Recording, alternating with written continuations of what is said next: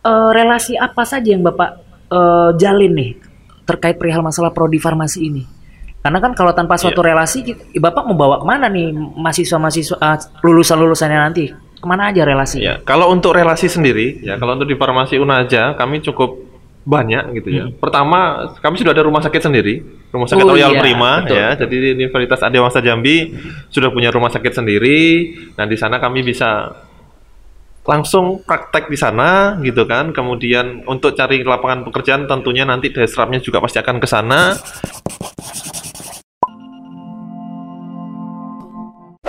Halo Sobat Unaja, masih di podcast Unaja. Nah, kali ini di penayangan perdana kita, kita mendatangkan bintang tamu, yaitu pejabat struktural di wilayah Universitas Adiwangsa Jambi. Nah, siapa dia? Tetap stay tune di podcast Unaja. Halo Sobat Unaja, nah ini dia Pak Sepa. Oh, kita boleh salaman nggak nih? Wah, nggak Eh, boleh. nggak boleh Corona, ya? corona, nggak boleh, Tolong, tolong. Hand sanitizer, cepat, cepat. Sanitizernya mana? di tas saya ada. Oke, oke baik kita sambil nunggu hand sanitizer. Siap. eh, apa kabar Pak Septa? Alhamdulillah baik. Alhamdulillah baik Pak Septa ya. Nah ini dia Pak Septa kita ya. Eh, nanti di sini Pak Septa eh, punya pengalaman yang sangat-sangat eh, bagus sekali untuk kita dengar. Waduh. Ya. Pak Septa ini dia lulusan luar negeri. Nah makanya kita mau tanya nih. Siap. Eh, kita minta Pak Septa untuk menceritakan biografinya dia, pengalaman dia S1, kemudian S2, bagaimana kuliah di luar negeri dan bagaimana eh, apa sih suka dukanya di luar negeri ya, kuliah di luar negeri. Oke, baik. Nah, Pak Septa, Ya. kabarnya Pak Septa ini mantan ya, apa mantan atau apa ya, mantan kuliah di S2 S2 di luar negeri atau apa ya? Ya pernah lah. Pak. Pernah ya? oh, Pernah, berarti. pernah lah. Nah, pernah kira, keluar negeri. kira-kira eh, per kemarin S2-nya di universitas apa? Saya di Université Paris Sud. Wah, saya nggak tahu tuh itu tempatnya di mana. Oke, nanti kita Ya. cek di Google ya. Yaitu kalau bahasa kerennya ya Universitas Paris 11. Oh, Paris 11. Iya. Berarti kayak kita ada juga nih Pak di sini daerah Di Parit mana? 3, Pak. Parit 3, Parit berapa gitu. Ada juga di kita di Jambi. oh, di situ Paris Ya, dekat- 11 ya. Tetangganya, tetangganya. Oh, iya. tetangganya. Oke.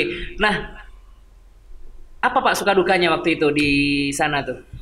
Em, sebetulnya suka dukanya banyak sih. Banyak ya? Ini mulai dari mana dulu? Yang pertama, Sukanya bag- dulu, Sukanya dulu nih, sukanya Bapak pas kok bisa sih kuliah di sana itu biayanya biaya sendiri atau biaya beasiswa gitu. Oke, kalau sukanya banyak memang gitu ya. Pertama adalah saya bisa kuliah di luar negeri gitu kan, terlihat keren Oh, ya, isi. walaupun sebetulnya nggak begitu keren juga. Gitu ya. Nah, Karena ya itu tadi kalau dilihat kan, wah enak kuliah di luar negeri, Iya. bisa jalan-jalan, bisa main gitu kan. Wah, tapi di balik itu sengsara pak, iya, nangis. nangis ya. Iya. Kalau kayak gitu.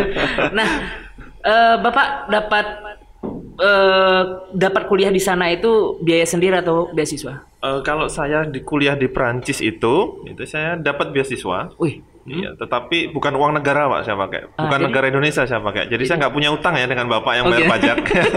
jadi Jadi saya dapat beasiswa namanya Bourse Gouvernement Français Wih. atau beasiswa pemerintah Prancis Mhm. yang memang itu diadakan dari kedutaan besar Prancis di Jakarta. Wih, Gitu. mantap itu. Terus eh, dari mana Bapak dapatkan beasiswa itu? Eh, kalau dapatkan sebetulnya itu usaha sendiri. Ha-ha. Ya, karena kan saat ini kita bisa cek banyak ya di Ha-ha. Google, eh, pakai pakai Google kita bisa tahu segala informasi. Saya iseng aja, coba-coba cari gitu kan, beasiswa apa sih yang bisa saya pakai untuk bisa pergi ke luar negeri kan Wais, begitu. mantap. Nah, saya cari ada nih. Hmm. Nah, tetapi sudah tutup, Pak. Ah, sekarang? Pas saya daftar sudah oh, pas tutup. daftar sudah tutup. Sudah tutup. berarti keberuntungan juga ya? Nah, itu antara keberuntungan dan nggak tahu gitu ya. Saya iseng, saya iseng, saya cuma iseng, saya email Hmm. Iya. kedutaan besarnya. Iya. Assalamualaikum, Bapak. Hmm. Enggak pakai assalamualaikum, Pak ya. itu pakai bahasa Prancis Eh, gitu kan. Jadi artinya adalah ya maaf, eh, saya perkenalkan diri dulu, Ah. siapa saya, saya Septa Pratama, bla bla bla bla bla. Pingin kuliah di Prancis tapi nggak punya duit kan. Iya. begitu. Ada enggak masih buka untuk beasiswa? Mhm. Pokoknya ya coba aja lah nothing tulus ya coba-coba gitu kan dapat alhamdulillah nggak dapat ya wes gitu kan nyoba lagi tahun depan ya tapi tiga hari berserang dapat email saya Oh gitu, dibalas ya, dari dibalas, kedutaannya dibalas. mereka. dari kedutaan dibalas baik orangnya ya Mm-mm. dibalas barulah beliau merespon Mm-mm. ada nih pak beasiswa sisa gitu ya Kok beasiswa pakai sisa gitu ya sobat? ada beasiswa sisa Ah. gitu ya ya bukan beasiswa. Sisa sih. Jadi ada beasiswa memang dari pemerintah Prancis tapi nggak full banget kan begitu Oh jadi dia beasiswa tapi nggak full. nggak full oh. nggak 100% ya 100%. mungkin hanya sekitar ada 70 persenan lah 70 75 persen gitu Berarti kan seperti kayak Unaja yang akan memberikan beasiswa kepada calon mahasiswa ya Betul. nanti ya. Wah, Oke, ada itu, nanti ya. akan kita jelasin Wah, siap, pokoknya di segmen selanjutnya. ya jadi memang memang seperti itu ada Hmm, sisa gitu. nih beasiswa tapi nggak bisa full Hmm. saya tanya lah apa yang saya dapat kan begitu hitung hitungan kan Hmm. jadi saya dapat pertama itu adalah saya dapat tempat tinggal Oh, di tempat tinggal di sana Ah. di asramanya Ah. mereka mereka Oke. punya asrama kemudian eh, saya dapat biaya kuliah gratis ah. gitu kan ya saya cuma nanggung makan aja berarti mak hanya makan aja. Makan biaya aja. hidup? biaya hidup ya biaya hidup untuk makan Oh biaya kan Eh, ada banyak. Ada biaya ya. hidup, kemudian biaya entertain pak. biaya entertain apa itu maksudnya ya jalan-jalan Ya. sana sini ya atau ada biaya Hmm. untuk eh, apa buku perpustakaan ya perpustakaan. Kalau di sana alhamdulillah sih semua bisa terpenuhi. Karena Hmm. kalau di- jadi pelajar di luar negeri itu seru dan banyak keuntungan. Oh. Jadi kita bisa dapat akses transportasi dengan harga yang murah. Oh karena apa? Mungkin ada ada kartu pelajar, ya. Betul. Oh, gitu. Kemudian kita menerima juga bantuan dari pemerintah. Jadi ada Hmm. ada uang dari pemerintah lumayan lah sekitar 200-300 euro itu saya terima per bulan itu dari pemerintah pemerintah. mana Indonesia Prancis. atau oh Prancis Saya nggak ada hubungan dengan Indonesia, Oh, nggak Pak. ada? Nggak ada. Jadi Indonesia tidak menghidupi saya di sana. Oh, gitu. itu tadi makanya saya bilang saya nggak punya hutang gitu Oh, kan gitu ya. dengan warga Indonesia Ah. karena saya pakai uang uang dari negara Oh. lain. Jadi dapat itu ya saya cuman nanggung tadi lah biaya biaya untuk makan, kemudian transportasi sedikit, ya untuk jalan-jalan gitu Hmm. aja.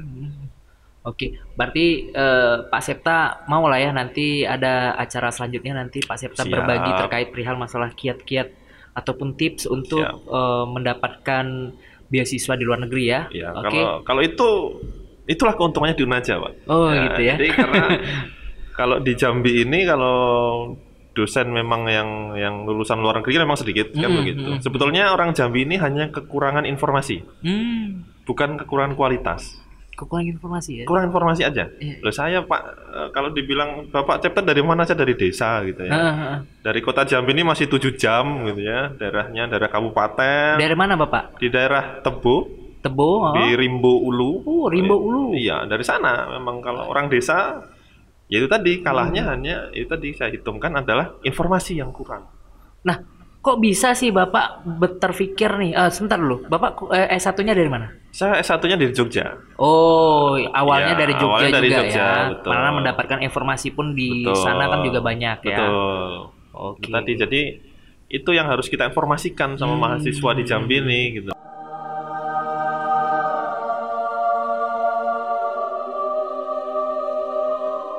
Harus harus melek gitu kan Hmm. informasinya ya. Jadi coba nanti kita bagi informasi Oke. dengan mahasiswa gimana caranya dan sebagainya gampang kok. Uh, uh, beasiswa uh, uh. sekarang bertumpah-tumpah gitu Hmm. untuk beasiswa S2 itu banyak. Gitu ya. Iya. Oke, baik kalau kayak gitu Sobat Unaja, eh, nanti kita minta kepada Pak Septa ya bagaimana nih tips ataupun ataupun trik ataupun informasi apa yang bisa diberikan terkait perihal eh, bagaimana mencari beasiswa di luar negeri. Ya, jadi kamu, kamu yang Sobat Unaja yang sudah lulus nih mau mengetahui cara eh, untuk melanjutkan S2, nah nanti ikutin di acara selanjutnya di Pak Septanya. Oke. Nah, Pak Septa, Iya. Bapak kan kuliah S2, ya kan? Oh, Oh. jurusan apa, Pak?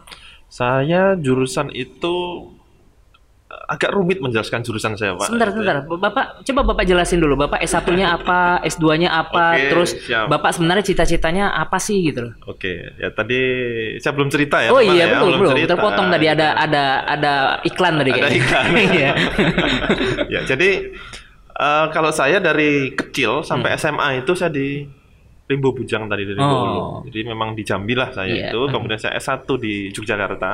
S1 di Yogyakarta di Universitas enggak negeri juga Mm-mm. gitu. Saya lulusan swasta dan ya nggak kalah dengan negeri juga gitu. Jadi kalau ada yang bilang kuliah swasta nggak bisa bersaing itu salah. Oh, Kan gitu ya? begitu, betul. Jadi eh, saya kuliah di jurusan farmasi. Mm.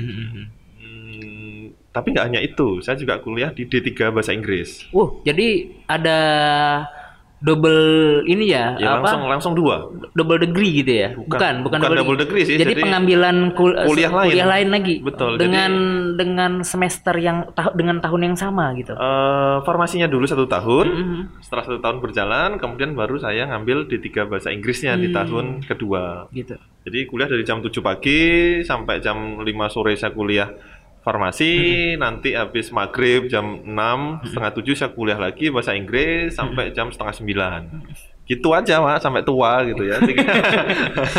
Jadi sekarang gini, Bapak kuliah dengan dua jurusan yang berbeda. Betul. Eh, tapi dengan kampus yang sama. Kampus yang sama. Oh, kampus yang sama. Kampus Terus yang sama. Bapak kapan mainnya, Pak? Masih bisa main. Masih gitu bisa main ya? Ya masih bisa main. Heeh. Eh, masih sempet juga lah Sosialisasi, jalan-jalan organisasi. Organisasi saya tidak pernah berhenti dari Hmm. semenjak masuk kuliah Mm-mm. sampai lulus. Saya juga aktif di Badan Eksekutif Mahasiswa. Hmm. Oh, jadi Iya. Bapak juga di BEM juga ya? Ya, saya sempat menjadi sekretaris jenderal juga di Badan Eksekutif Mahasiswa di Hmm. Fakultas MIPA di Universitas Islam Indonesia. Dan tidak mengganggu. Nggak mengganggu ya, Tidak Pak ya? mengganggu. Itu bohong kalau orang ngomong eh, organisasi mengganggu kuliah itu bohong. Betul. Malahan kalau misalkan kita ikut organisasi di situ kita mendapatkan suatu pengalaman yang yang banyak ya, Betul, yang betul. memang tidak ada di kita nikmatin di dalam perkuliahan, Ya. tapi itu tetap di dalam cangkupan non akademik ya, Pak ya. ya, betul. sekali. Karena kalau misalkan kita eh, kuliah, Hmm. kemudian kita pastinya kita melihat suatu organisasi organisasi internal di dalam kampus, Ya. dan itu yang harus kita ikutin untuk menambah suatu ilmu kepemimpinan ya, Pak ya. Ya, betul. Oke, itu penting. sekali. Jadi Ah. besok saya juga akan cerita eh, modal saya kuliah di luar negeri itu nggak otak. Kalau otak saya sih biasa aja. gitu. Tapi tadi itu pengalaman-pengalaman Pengalaman organisasi, ya. bagaimana saya bisa menggunakan kemampuan berbicara saya Ah. untuk sedikit menipu orang-orang sana, begitu. kan. Dan satunya kita harus bisa bergaul. betul. Ah, oke. Nah, terus selanjutnya Pak gini. Bapak kan eh sebagai salah satu pejabat struktural di sini ya. Bapak Iya. se- sebagai apa Pak di sini? Di Saya Unaja. ketua program studi farmasi Wes, di. Universitas Adiwangsa Jambi. Wes, ketua program eh, kepala program studi ya. Iya, ketua program studi Ketua farmasi. program studi farmasi. Nah, sekarang gini Pak, dicoba Bapak ceritakan nih farmasi kita ini di Unaja itu sudah di semester berapa sekarang nih? Dan bukanya tahun berapa? Kalau farmasi itu sendiri, kalau di Unaja, eh, sejak Unaja beroperasi tahun 2017, itu sudah ada program studi S1 farmasi. S1 farmasi. Iya, saat ini sudah ada mahasiswa di semester 2 dan juga ada di semester 4. Oh. Dan juga ada mahasiswa dari eh, jalur khusus. Jalur Jadi khusus dari ya? yang dari yang D3 pengen lanjut S1 itu bisa banget di Unaja Wes, gitu mantap kan. sekali itu. Nah, eh, Bapak kan selaku kepala program studi tentunya kan pasti ada suatu strategi nih Betul. untuk bagaimana sih mahasiswa farmasi ini lulus ini mau ke mana ya kan? Ya. Nah, kira-kira apa sih Pak sebenarnya visi misi Bapak dan mau Bapak bawa ke mana ini mahasiswa lulusan Bapak khususnya di farmasi? Iya, ini model lagu ya, mau dibawa ke mana? Iya. Oke, memang ini sebetulnya tanggung jawab yang sangat-sangat besar, Pak. Gitu ya? kan. Saya memang yang orang baru diberikan eh, mandat untuk menjadi kepala program studi farmasi Hmm, di hmm, sini hmm, itu menjadi beban bagi saya gitu Wih. kan. Karena saya harus membawa anak orang nih, Pak. betul betul betul. Anak orang banyak, Pak. Ah. Jadi semester 2 itu ada 37 orang. Ah. Semester 4 ada 35 orang. Hmm, hmm, Jalur khususnya itu ada 25 orang. Wih, Jadi kurang lebih hampir 100 o- orang gitu kan. Berarti ini salah satu eh, prodi yang favorit juga di Unaja ya, Yap, farmasi betul, ya. ya. Oke, Ya, jadi memang sekali. memang eh, kami berani bilang kalau di prodi farmasi Unaja ini walaupun muda Ya. tapi luar biasa. Wes, Ya. mantap sekali ya. Gitu. Nah, sekarang gini Pak, tadi eh, begitu banyaknya yang akan Bapak Hmm, bawa dan betul. begitu banyak beban yang Bapak terima terkait perihal masalah meluluskan dan ini bukan hanya sekedar meluluskan saja Ya, kan, melainkan mereka lulus dan mereka mampu nggak de- dimanfaatkan oleh masyarakat kan? Ya. ataupun mereka bermanfaat bagi masyarakat kan kayak gitu. Betul. Kira-kira Bapak apa eh, strateginya? Ya, kalau strateginya Hmm. gitu kan, saya mencoba beda. Hmm, Jadi saya, itu? saya tidak tidak mencoba hal yang sama dengan Hmm. prodi farmasi karena sebelumnya juga sudah saya pernah menjadi mahasiswa, Heeh. saya pernah menjadi dosen di tempat lain, Iya. gitu kan, tidak di Unaja. Hmm, hmm, hmm. Saya melihat ada sesuatu yang kurang di sana. Gitu. Oke. Jadi itu yang saya coba untuk terapkan di Unaja. Oke. Pertama adalah di era sekarang yang penting adalah penguasaan IT. Oh iya betul betul. betul. penguasaan IT gitu kan. Tidak ada lagi orang sekarang ngomongin eh, ngasih obat manual, tidak ada lagi. Sekarang Hmm. sudah eranya pakai eh, ojek online, Iya. pakai website Iya. gitu kan. Bahkan sudah ada robot untuk ngelayanin Betul betul. pasien gitu Iya. kan. Jadi penguasaan IT itu penting. Makanya di farmasi Unaja eh, saya tambahkan di situ kurikulum tentang IT. Wih mantap sekali. ya. Satu-satunya ini Pak, tidak ada lagi Iya. di di provinsi Jambi mungkin di Indonesia Raya juga nggak ada gitu kan yang ada pada bapak IT-nya. ada bapak pas sisipkan suatu ramuan di situ ya. Betul, ada 6 6 SKS-an, sekitar Wih, 6 SKS tentang Cukup, IT. cukup lumayan itu nama Iya, SKS. jadi tentang pembuatan desain web, Hmm. kemudian bagaimana membuat desain grafis, Hmm, hmm. kemudian eh, bagaimana memanfaatkan media online, Wih, mantap. digital marketing, Iya. itu yang saya berikan ke mahasiswa. Betul, gitu. karena di karena kan eh, S1 farmasi ini kan nantinya mereka akan juga bisa menjadi suatu entrepreneur ya Betul. kan? Nah, Ya kan? it- it- itu yang saya harapkan, Oh, Pak, gitu loh. gitu. Jadi memang kalau mengharapkan kita cuma dapat kerja, cari kerja ya, ya pening juga kan Iya. gitu ya. apalagi, Pusing, Pak ya. apalagi kayak kemarin kan bagi para sobat Unaja yang mengikuti ajang pencarian bakat eh bukan eh, ajang pencarian eh, lowongan yaitu PNS ya. Iya, betul. Kan itu satu yang diteri satu yang diterima seribu yang ini. Betul. Makanya kita memang harus mampu eh, memiliki suatu kemampuan yang lain ya kan. Itulah sebagai kita eh, bibit-bibit entrepreneur. Hmm. Iya, Ya Pak ya. Betul. Setuju ya? Setuju. Makanya itu ada juga kami terapkan eh, mata kuliah entrepreneur di Wih, farmasi mantap gitu loh. Jadi sekali. entrepreneur menguasai IT tentunya tidak melupakan farmasinya. Oh betul, berarti udah Iya. cocok sekali ya. Begitu. Ada udah udah tahu tentang bagaimana meracik obatnya, kemudian bagaimana cara memasarkan, membuat suatu desain ya kan, dan Iya. kemudian belajar tentang digital marketingnya. Wah, cocok kali.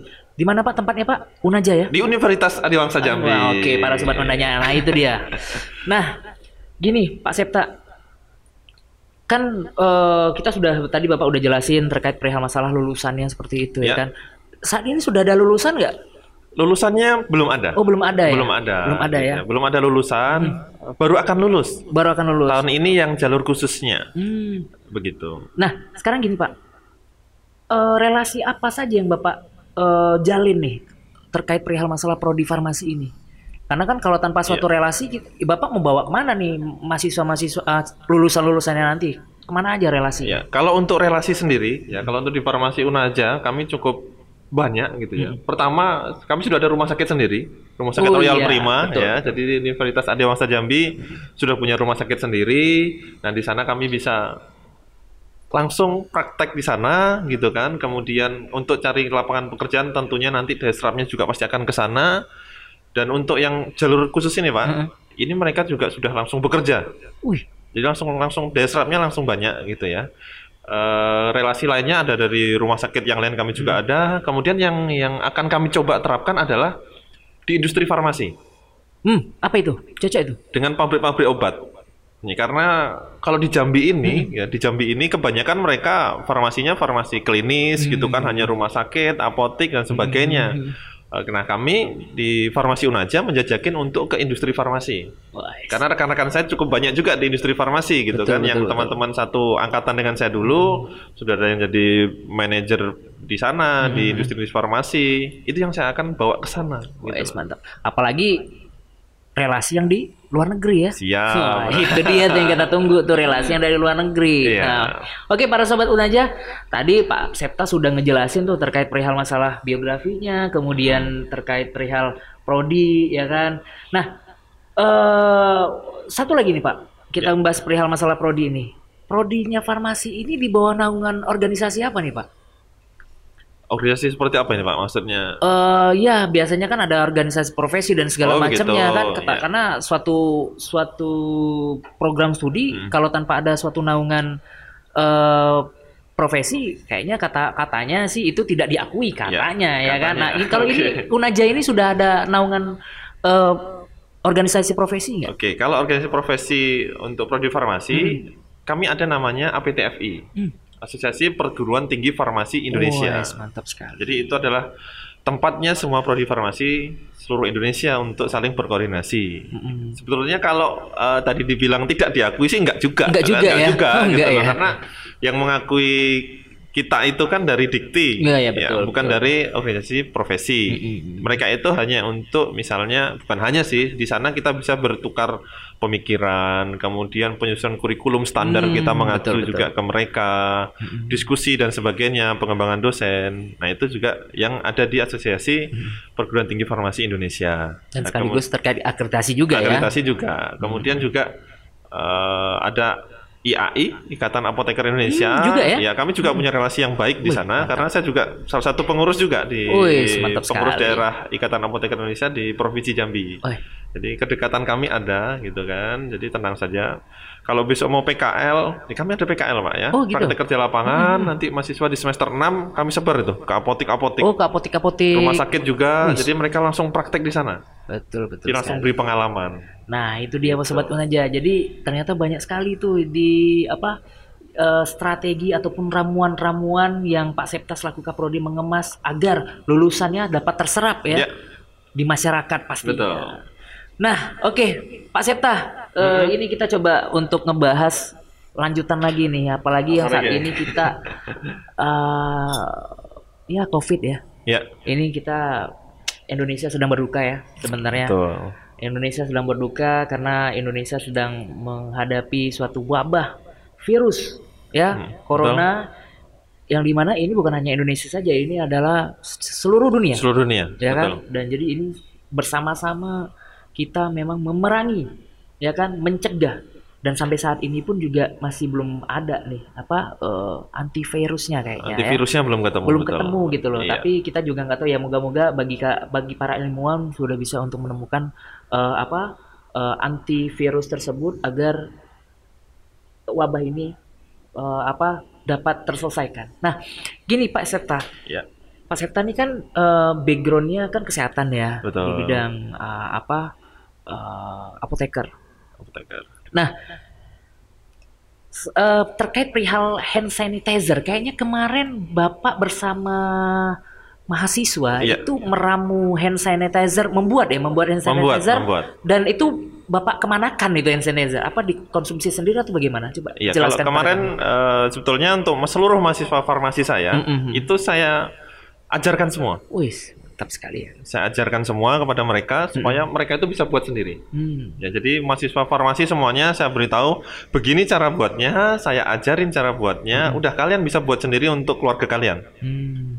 Ya karena kalau untuk jual ke mana-mana nggak boleh, Nggak ya, boleh, nggak ya, karena boleh. memang nggak ada izin ya, Karena nggak ya. ada izinnya. Jadi kemarin memang mahasiswa saya ajarkan, kemudian minimal dipakai sendirilah di lingkungan kampus. Hmm, Ya gitu. kemudian juga kita berikan bantuan juga kemarin sempat kita memberikan hand sanitizer untuk eh, keluarga yang ada di Medan. Mm-mm. Oh iya iya, ya keluarga kan? kita yang ada di Medan Keluarga di, Medan. di apa di Global, Prima ya. Ya, betul. Sekolah Global Prima. Kemudian kita juga sempat memberikan ke Polres Kota Iya, Jambi. Polresta Kota Ya, Jambi Polresta Kota sama Jambi. Hairul Umam. sama Herul Umam Ah. juga. Nah, itulah gunanya kita pembuatan hand sanitizer. Wes, berarti bersyukur sekali nih ya kita di Unaja ini sobat eh, ada prodi farmasi dan lagi ada wabah seperti ini bisa dibuat hand, eh, apa hand Hand sanitizer-nya. sanitizer. Nah, Pak, hand sanitizer itu eh, kan pasti ada buku panduan atau apa Betul. Iya. dan itu ada harus ada standar karena membuat itu nggak boleh sembarangan. Itu standarnya dari mana itu? Kalau standar pembuatan hand sanitizer Hmm. itu ada dari WHO yang pertama, eh, kemudian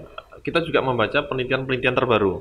Oh gitu. Iya, karena sudah ada penelitian terbaru tentang corona, Mm, gitu mm, kan, mm, coronavirus. Mm. Karena coronavirus ini bukan hal baru sebetulnya, Pak. Hmm, Corona itu marga, istilahnya marga ya, karena gitu ya. di bawah coronavirus itu ada influenza, Oh, SARS, gitu. MERS, dan yang terbaru ini adalah coronavirus ini. COVID inilah ya. iya, ini yang, yang, yang paling biru, yang pa- paling terbaru. Mm-mm. Ya, karena yang yang tercorona ini, eh, COVID-19 ini, Mm-mm. itu gabungan dari ketiganya. Oh, jadi dia Yang- upgrade gitu ya? Dia upgrade betul. Jadi eh, mutasi, Pak. Mutasi istilahnya. ya? Jadi upgrade. Jadi coronavirus ini memiliki kecepatan penyebaran seperti influenza. Oh. Influenza kan sangat mudah menyebar. Betul, betul. Makanya sekarang dia sangat mudah termenyebar. Mm-mm. Kemudian dia memiliki eh, istilahnya keganasan seperti SARS, Oh iya, iya, iya. ya. Betul, Kemudian dia seperti MERS itu Ah. bisa menempel di paru-paru. Jadi corona ini gabungan dari tiga virus itu menjadi satu. Wih. Makanya dia mudah menyebar dan mematikan. Kayak film Rangers ya. Iya. Jadi bersatu gitu loh kan. Iya. Wah, Bahaya memang Jadi si memang ini. memang memang itu penelitian terbaru mereka Hmm. meneliti itu apa aja yang bisa membunuh mereka. Mm-mm. Yang paling sering digunakan memang alkohol, Oh, bahan gitu. baku utamanya Mm-mm. dengan konsentrasinya itu 61% sampai dengan 80%. Oh gitu, itu standarnya ya. Standarnya. Kemudian apakah hanya alkohol saja atau apa? Oh, gitu? tidak gitu Oh, ya. enggak Kalau ya? kalau alkohol saja yang kita gunakan, gawat tangan kita nanti jadi iritasi, yang punya alergi nanti bisa kena alergi kan Betul, begitu. Jadi kita perlu formulasikan di situ. Hmm. Eh, Yang pertama kita harus menggunakan eh, pelembut ya, pelembut atau pelembab Mm-mm. supaya ketika kita gunakan di tangan dia bisa nyaman, Iya. enak gitu Oke. kan, jadi tidak kasar. Mm-mm. Kemudian berikutnya kita perlu juga eh, desinfektan lain. Hmm, Jadi untuk membunuh ketika proses ah, pembuatan. ah, ah. Oh gitu, ada lagi. Ada lagi campurannya gitu. Itu ada standarnya dari WHO. Oh iya. Jadi namanya ada hidrogen peroksida. Hmm, itu ya. Iya, itu untuk membunuh kuman Mm-mm. ketika kita membuat. Karena kita mencampur ini kan pasti ada dari Oh, udara. karena udara tadi. Iya, Betul, betul. Dari udara. Jadi untuk membunuh itu kita Hmm. butuhkan lagi desinfektan yang lain. Oke oke oke. Nah, eh gini nih, kan hand sanitizer ini kan kita gunakan terus menerus nih saat ini Iya. aktif, ya kan? Karena ya kita pun selaku warga Indonesia terkait perihal masalah PHBS itu pun nggak agak sedikit kurang ya. Betul. Tapi saat ini kita wajib nih dikit-dikit cuci tangan Iya. salaman habis tadi nanti kita ingat Pak, Cuci ingat tangan, saya ya. cuci tangan ya. ya cu- eh, apa? Cuci tangan. Nah, kita cuci tangan pun pakai hand sanitizer yang Betul. berbahan alkohol. Betul. Nah, itu kalau terus-menerus kita gunakan, itu tuh ada efek samping nggak gitu? Eh, kulitnya tipis pak nanti. Tipis, Pak. iya. Tapak tulang, Pak, nanti. iya, karena ya eh, dalam Maksudnya, artian tipis itu dia tipis. juga dis- bisa bisa bisa mengiritasi telapak tangan kita juga Oh, gitu, gitu. loh. Jadi nggak lembut lagi, nggak halus lagi gitu. Iya, nggak halus lagi, kemudian nanti jadi kasar. Jadi kasar. Oh, iya, gitu. sebetulnya penggunaannya juga tidak harus setiap detik, setiap menit Hmm, gitu kan. gitu. Kita menggunakannya adalah yang dianjurkan memang itu 20 menit sekali. Hmm, gitu. Mm. Nah, tetapi kalau kita menyentuh sesuatu yang kotor, kita memang harus segera mencucinya. Mencuci ya, bukan Mencuci. pakai hand sanitizer gitu ya. Eh, hand sanitizer itu kalau terdesak ya, istilahnya Oh. kita kita kita jauh dari sumber air ya, karena Oh. sumber air sudah dekat ya. Su- sumber air sudah dekat gitu kan, sabun subanya ya, ya kita cuci tangannya pakai sabun dan air aja dulu gitu Iya. kan. Kita pakai hand sanitizer kalau misalnya kita lagi di kendaraan umum Ah. gitu kan. Eh, kotor habis megang eh, istilahnya tiang atau Iya. apa, nggak ada air, nggak ada sabun baru kita pakai itu. Iya, karena kalau saat ini kita lihat nih sobat Unaja setiap orang sudah mengantongkan hand sanitizer ya kan? Eh, sekarang sih susah juga, Pak. Susah ya nyarinya. ya. Well, nggak ada lagi di Jambi. Nggak ada lagi ya? Nggak ada lagi di Jambi. Tapi kalau Unaja Bapak masih bisa ma- bisa Masih. untuk membuatkan hand sanitizer Masih, ya? masih, bisa, ya? masih bisa. Bahan bakunya sudah ada juga kan? Oh, masih ada, mantap. masih ada. Berarti Bapak juga menerima untuk me- apa ya? meramukan apa ya? Ah, bahasanya apa tuh? Meracik atau apa itu? Bisa meracik, memformulasikan. memformulasikan. Ah, memformulasikan dari bahan-bahan itu menjadi Eh, sanitizer. hand sanitizer. Betul. Gitu ya. Kayak kemarin tuh saya lihat itu orang saking hand sanitizer yang nggak ada ya kan Pak? Iya. Wastafel Pak dibawa Pak. Sama sabunnya. iya sama sabunnya. Wastafel dibawanya gitu kan. Karena dikit-dikit cuci tangan, dikit-dikit Iya, cuci tangan. Bingung kan ya Betul, udah wastafel dibawanya. Sama galon Pak. nah oke baik Sobat aja. Nah jadi gini Pak. Jadi tadi ada eh, hand sanitizer. Nah terus kita bicara terkait Bapak tadi bilang disinfektan. Iya. Sebenarnya disinfektan tuh apa aja Pak yang ada selain hand sanitizer? Apa aja? Nah, pertama kita harus bedakan dulu. Ah apa nih Pak? Jadi teman-teman jangan sampai salah gitu ya. Terkait perihal Terkait kedua hal itu. Oh, Karena iya. ada ada dua istilah yaitu Ah, antiseptik dan desinfektan. Nah ya. Mm-mm. Ya, kalau hand sanitizer dia masuknya ke antiseptik. Oh gitu. Ya. Jadi dia masuk ke antiseptik. Saya ulangin, hati-hati. Ada dua istilah Hmm. Ah, ah. ya untuk membunuh kuman ini. ada antiseptik, ada desinfektan. Hmm. Ya, jadi antiseptik ini yang digunakan untuk tubuh manusia. Itu dia antiseptik. Antiseptik Oke, ya digunakan di ibaratnya bagian tubuh manusia. luka, Luka, gitu ya. pembersihan luka dan Oh, sebagainya, oh. makanya ada cairan antiseptik. Oh, seperti misalkan kita mau mau cek cek apa namanya tensi Iya, atau apa oh, ya kan ada darah, ada bersihkan ada dulu. alkohol alkoholnya Iya, gitu ya. Misalnya kita habis terjatuh luka, Luka, kita oh, bersihkan gitu. dulu itu pakai antiseptik. antiseptik. Anti eh, septik itu kuman gitu, anti Ya, ya, kuman ah, kan anti-kuman, begitu ya. oke. Desinfektan Hah? itu adalah digunakan untuk eh, permukaan Oh. selain tubuh. Oh gitu. Ya, misalnya meja nih, Heeh. kita pakai cairannya bukan cairan antiseptik, tapi cairan desinfektan. Ya karena mahal tadi Pak. Kalau antis- Iya. kalau antiseptik mahal Pak. Desinfektan juga mahal Oh, sih. gitu ya? Iya, Ah. itu. Jadi penggunaannya jangan sampai salah. Jangan dibalik-balik. Oh gitu. Iya, jangan sampai kita malah pakai desinfektan.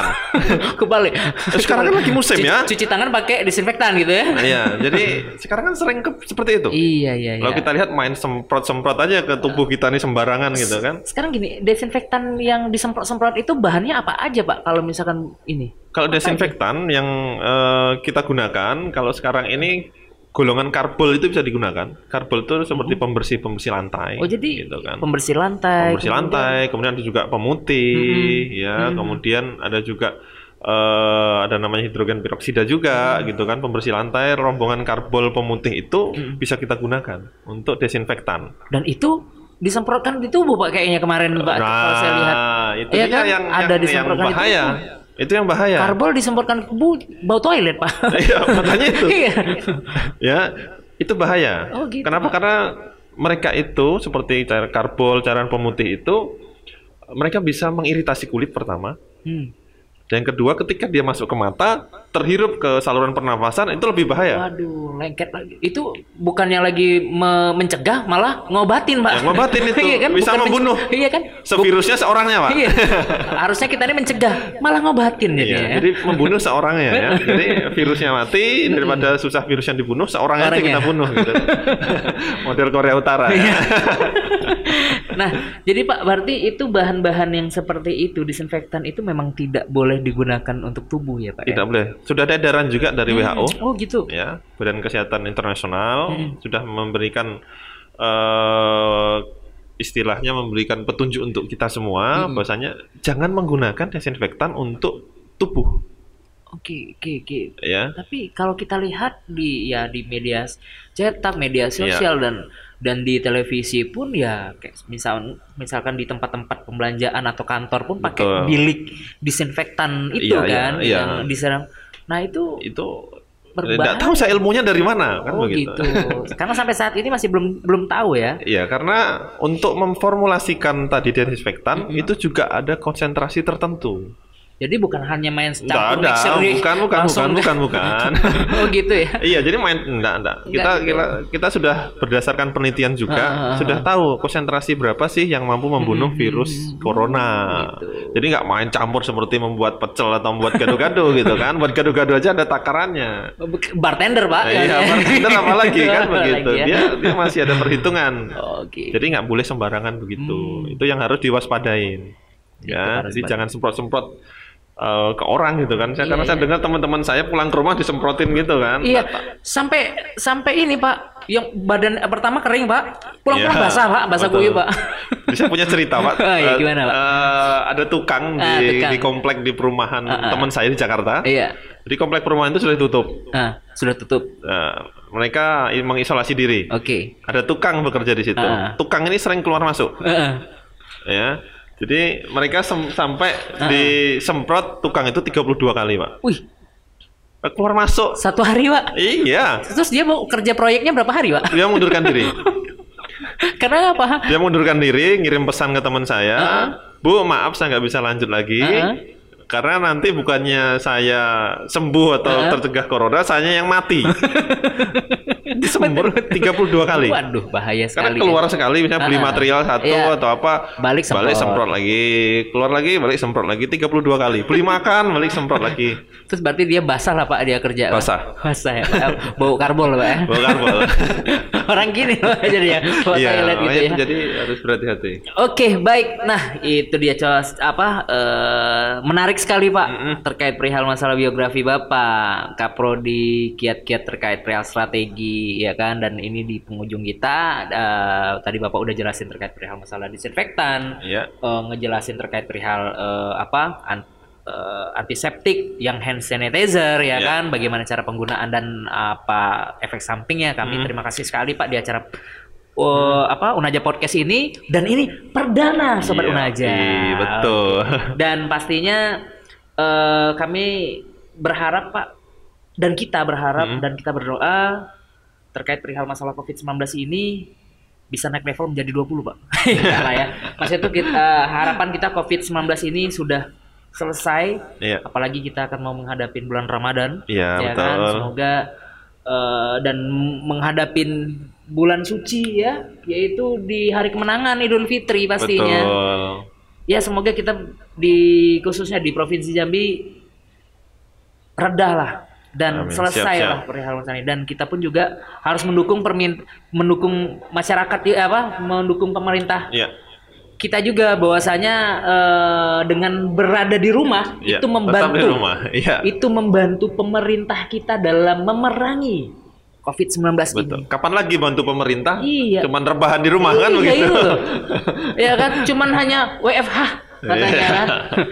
jadi ya cuman hanya rebahan di rumah aja nggak mau kan kebangetan ya Iya. nggak? Nah, jadi marilah kita sama-sama sobat Unaja kita membantu pemerintah cuman hanya rebahan di rumah, menjaga jarak dan ingat di rumah saja. Oke? Nah, itu dia terima kasih Bapak ya Septa. ada ada Eh, Nggak apa-apa nanti Salam corona, salam oh, salamnya kayak gini ya. Iya. Oke baik ya Pak Septa terima kasih. Oke. Eh, di kesempatan kali ini ya, kita tutup Mm-mm. dan sam- nanti kita akan undang lagi di acara-acara ataupun di tema lainnya. Oke, siap. Siap. Terima kasih oke Septa. sama-sama Oke. Tadi sudah kita dengerin ya eh, wawancara kita bersama Pak Septa yaitu Kaprodi Universitas Adiwangsa Jambi di program studi farmasi. Nah, dan tadi dia udah memberikan kita suatu tips trik, kemudian menjelaskan terkait eh, apa kuliah dia di luar negeri, suka dukanya dan bagaimana cara mendapatkannya. Nah, makanya dari itu pantengin terus di acara kita tetap di podcast Unaja. Unaja Smart Campus.